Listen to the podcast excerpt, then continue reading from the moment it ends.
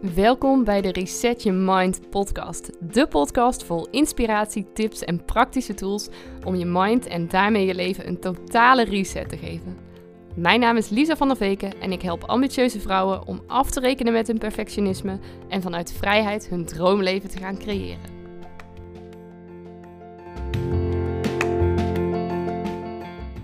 Yes, welkom bij weer een nieuwe podcast aflevering. En nou, zoals je misschien gemerkt hebt, uh, staan de afleveringen van gisteren en vandaag wat later online. En nou, dat komt omdat ik echt super druk bezig ben met alle voorbereidingen voor de allereerste masterclass. Doorbreek je perfectionisme in zes simpele stappen.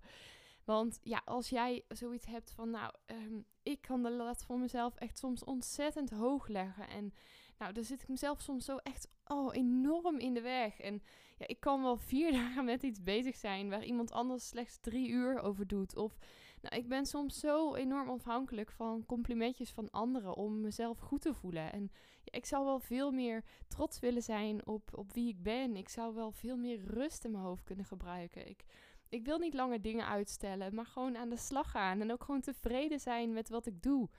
Nou, dan is deze masterclass echt iets voor jou. Want nou, in deze masterclass leer je onder meer wat perfectionisme echt is.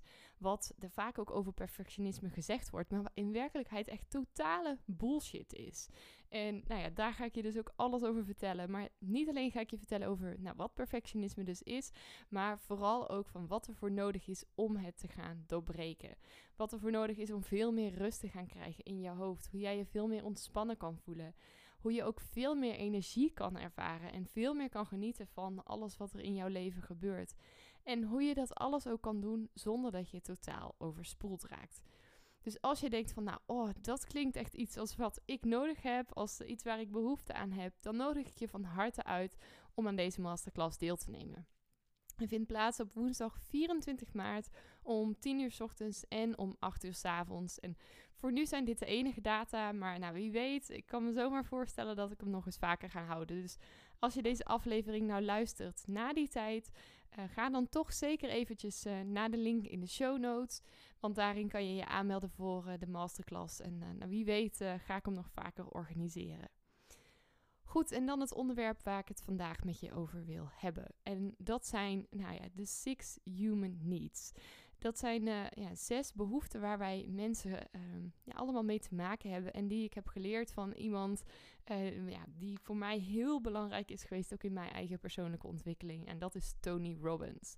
En ik vind het echt heel belangrijk dat je ook weet wat deze six human needs nou eigenlijk zijn. En wat het dus ook betekent in jouw leven. Want wij mensen over de hele wereld uh, nou, hebben allerlei verschillende overtuigingen, allerlei verschillende opvoedingen, allerlei verschillende angsten, uh, allerlei verschillende dingen waar we gelukkig van worden.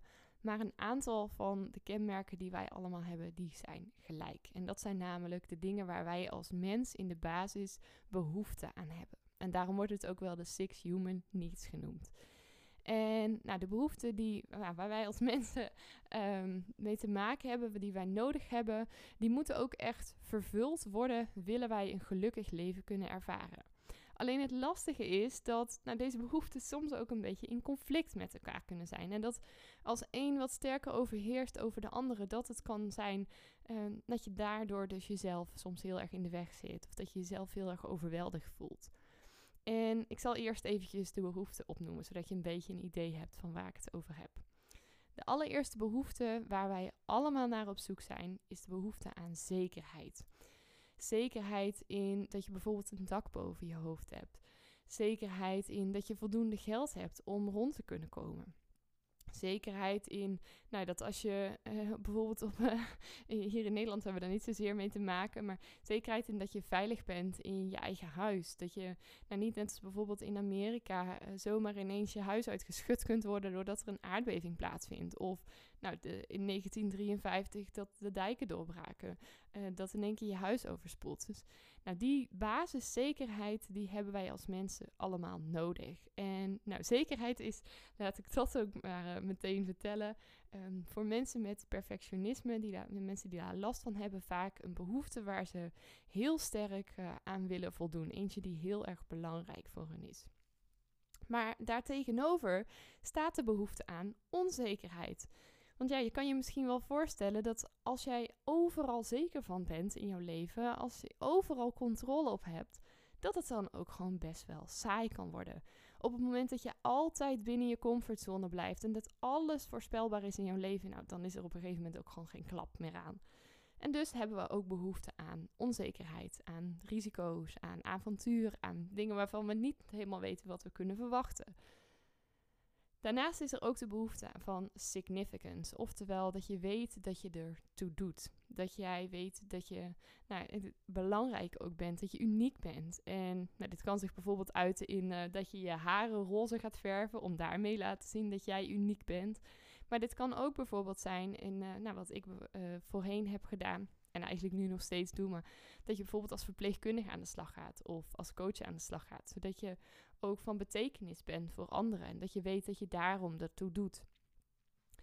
Ook hebben we daarbij de behoefte aan connectie, de behoefte aan verbinding met anderen. Verbinding met andere mensen om ons heen, maar bijvoorbeeld ook verbinding met de natuur. Verbinding met, nou, wat dan de aanhalingstekens heet, onze hogere zelf.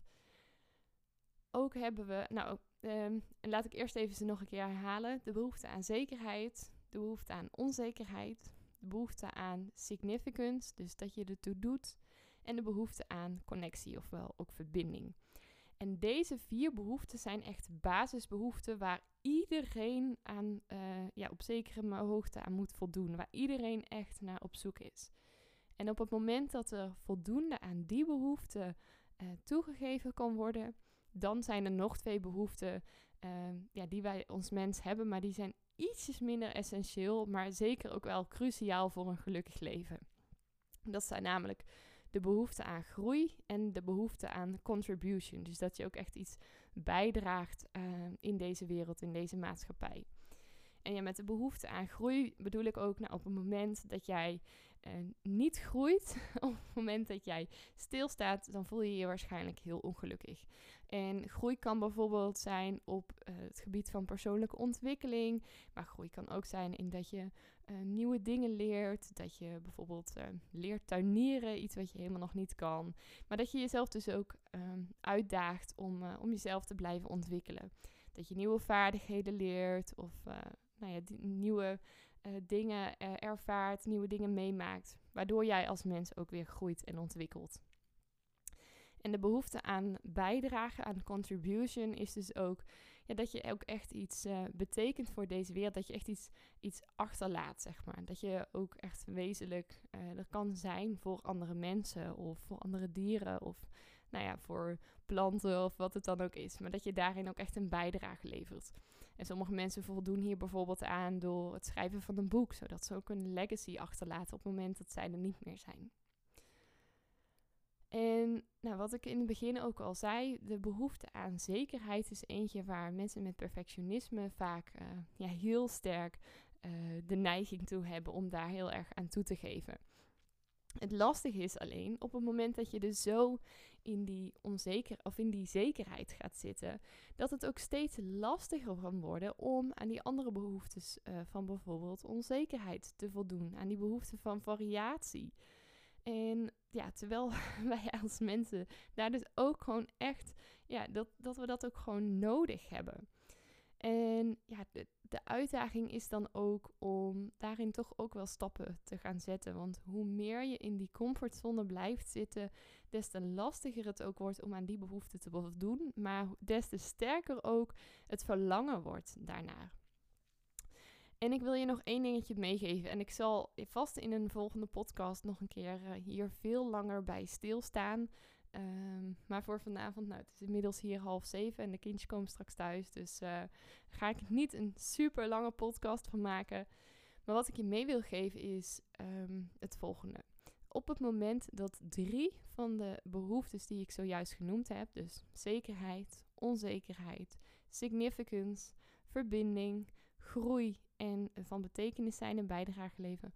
Het moment dat aan drie van die behoeften voldaan wordt, dan kan het ook wel verslavend uh, zijn. en dan kan je bijvoorbeeld denken aan, uh, nou, heel simpel voorbeeld, op het moment dat jij drugs gebruikt. Nou, dan uh, um, heb je in die zin een hele grote, is je behoefte aan, aan onzekerheid, aan variatie, die wordt echt wel voldaan. Um, nou, daarnaast heb je vaak ook het gevoel dat je van betekenis bent. Je krijgt allerlei soorten gevoelens ja, die allemaal in je opkomen. Je krijgt verbinding met jezelf of met anderen die ook nou, die drugs op dat moment ook gebruiken. Dus, um, nou ja, en misschien geeft het je zelfs ook wel een stukje zekerheid op het moment dat je het vaker uh, gebruikt hebt. En dat je weet dat het je gewoon een heel fijn gevoel kan geven. Dus voldoet het zelfs ook aan die behoeften. En dan is het risico op verslaving heel erg groot. En zo heb je dat misschien bijvoorbeeld ook met, uh, met uitstelgedrag. Om het maar even heel praktisch te maken voor jou. Want op het moment dat als jij dingen uitstelt, nou dat dat dus voldoet aan je behoefte van zekerheid. Maar dat je, omdat je precies weet ook nou, welk resultaat je dan krijgt. Namelijk dat je niet die angst hoeft aan te gaan om iets te doen waarmee je onbekend bent. En nou, dat op het moment dat je uitstelt dat je misschien uh, andere dingen gaat doen, um, zoals bijvoorbeeld uh, het ordenen van je bureau, waardoor uh, jouw vriend daar weer lekker aan kan werken dan draag je daarin ook nog eens bij aan het leven van anderen. En op het moment dat als jij dingen uitstelt en je gaat dan bijvoorbeeld um, in plaats daarvan een vriendin bellen, ja, dan heb je ook nog uh, ja, voldaan aan die behoefte van, van connection, van verbinding met anderen. En dus zegt jouw systeem: Oh, dit is eigenlijk best wel comfortabel om zo ook uh, dingen uit te stellen. Want hé, hey, als ik dat doe, dan weet ik in ieder geval dat ik niet die angsten hoef aan te gaan. Dat ik het misschien het nou, de resultaat krijg dat het me niet lukt. Dan ga ik in plaats daarvan ook nog dingen doen die voor anderen misschien heel erg waardevol zijn. En ik kan ook nog de verbinding maken met anderen. Nou, dat geeft me zoveel. Um, waarom zou ik dan eigenlijk nog uh, dit gaan doorbreken? Dus daar zit ook best wel een risico in. En ik vertel je deze uh, behoefte niet om nou te zeggen van... joh, je moet hier eens echt heel goed naar gaan kijken. Al zou ik je dat wel aan kunnen raden. Um, maar sta eens gewoon bij jezelf stil. Van joh, um, waar komt het gedrag wat ik vaak laat zien... waar komt dat nou eigenlijk vandaan? In welke behoefte voldoet het voor mij? En ik zal je nog één laatste praktisch voorbeeld geven. Want voor mij een van de valkuilen, los van mijn perfectionisme, is dat ik soms nog best wel een emotieeter uh, kan zijn. Op het moment dat bij mij de stress toeneemt, dan heb ik al snel de neiging om toch wat meer naar uh, suikerrijke producten te grijpen of uh, naar een blokje kaas. Maar dat probeer ik niet te vaak te doen. Um, en voor mij is het zo dat ja, ik weet altijd, daar ben ik heel zeker van, dat het mij een goed gevoel geeft op het moment dat ik uh, zoiets eet. Want ik weet dat ik me daarna gewoon even een beetje getroost voel. Het geeft me daarnaast ook variatie, want ik pak niet iedere keer hetzelfde. Iedere keer wissel ik een beetje af. De ene keer grijp ik naar iets hartigers, de andere keer naar iets zoeters. En nou, wat dat dan is, dat verschilt ook nog wel eens. Ik voel me dan daarna dus ook echt gewoon even heel erg goed. En wat ik vaak doe, is dat ik dan dus eet um, in combinatie met dat ik iets op de televisie ga kijken. En nou, hoe stom dat misschien ook klinkt, maar daardoor heb ik dan ook een heel klein beetje het gevoel dat ik toch een beetje groei. Omdat ik weer nieuwe informatie opdoe, omdat ik weer nieuwe ideeën opdoe. Um, en is er ook nog vaak sprake van dat element van verbinding. Omdat ik dan uh, nou ja, samen met mijn vriend bijvoorbeeld op de bank plof. En dat we gezellig samen bijvoorbeeld een filmpje gaan kijken. En ik dan ondertussen die chocolaatjes weg zit te eten. Dus daarin is het voor mij, uh, nou heb ik daar in die zin wel inzicht in, in wat dan maakt dat ik ook dat gedrag uh, vertoon. Maar het kan dus ook heel helpend zijn, en nou, dat is voor nu even het laatste wat ik erover ga zeggen, maar dat je voor jezelf nagaat van, goh, is er iets wat ik anders zou kunnen doen in plaats van dat gedrag wat aan diezelfde behoefte voldoet? Zou er iets kunnen zijn, bijvoorbeeld voor mij in plaats van dat emotie eten, uh, wat aan diezelfde behoefte voldoet, maar wat niet uh, zo schadelijk is. Of waar ik niet zo'n last van heb op latere termijn. En dat zou bijvoorbeeld kunnen zijn dat ik een, een boek ga lezen. Want op het moment dat ik een boek ga lezen of een podcast ga luisteren, vind ik ook heel fijn. Uh, dan heb ik de zekerheid dat me dat ook goed doet. Dat ik ook afgeleid raak van die stress. Um, dan heb ik ook variatie, omdat ik iedere keer wat anders lees. Omdat ik weer wat nieuws opdoe. Ik heb dat stukje groei, persoonlijke ontwikkeling. Op het moment dat ik bijvoorbeeld een podcast luister en ik weer een nieuwe inspiratie opdoe.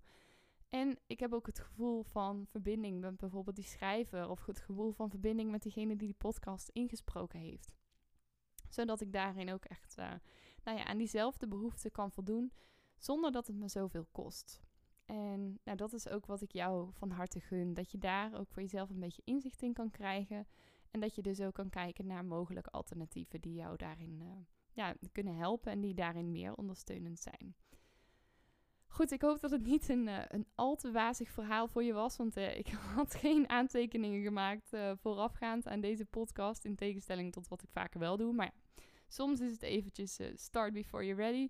Ik had niet de puff nog te zin om vanavond uitgebreid nog een hele lijst te maken met allerlei tips en aantekeningen. Dus ik hoop dat je wat van mijn verhaal hebt opgestoken. En nou, ik zal zeker in, de, in de toekomst nog een keertje een podcast af, aflevering opnemen. Nou, ik begin lekker ook te struikelen mijn eigen woorden. maar waarin ik nog wat dieper inga op dit onderwerp en hoe je daar verder mee aan de slag kan gaan. En wat het ook voor jou kan betekenen. Voor nu wens ik je nog een hele fijne avond en wil ik je nogmaals uitnodigen voor de masterclass op 24 maart. En ik beloof je, die heb ik helemaal tot in de puntjes voorbereid. Dus daar, uh, nou ja, daar ga je echt heel veel van opsteken. En uh, hou ik ook een heel chronologisch, logisch verhaal.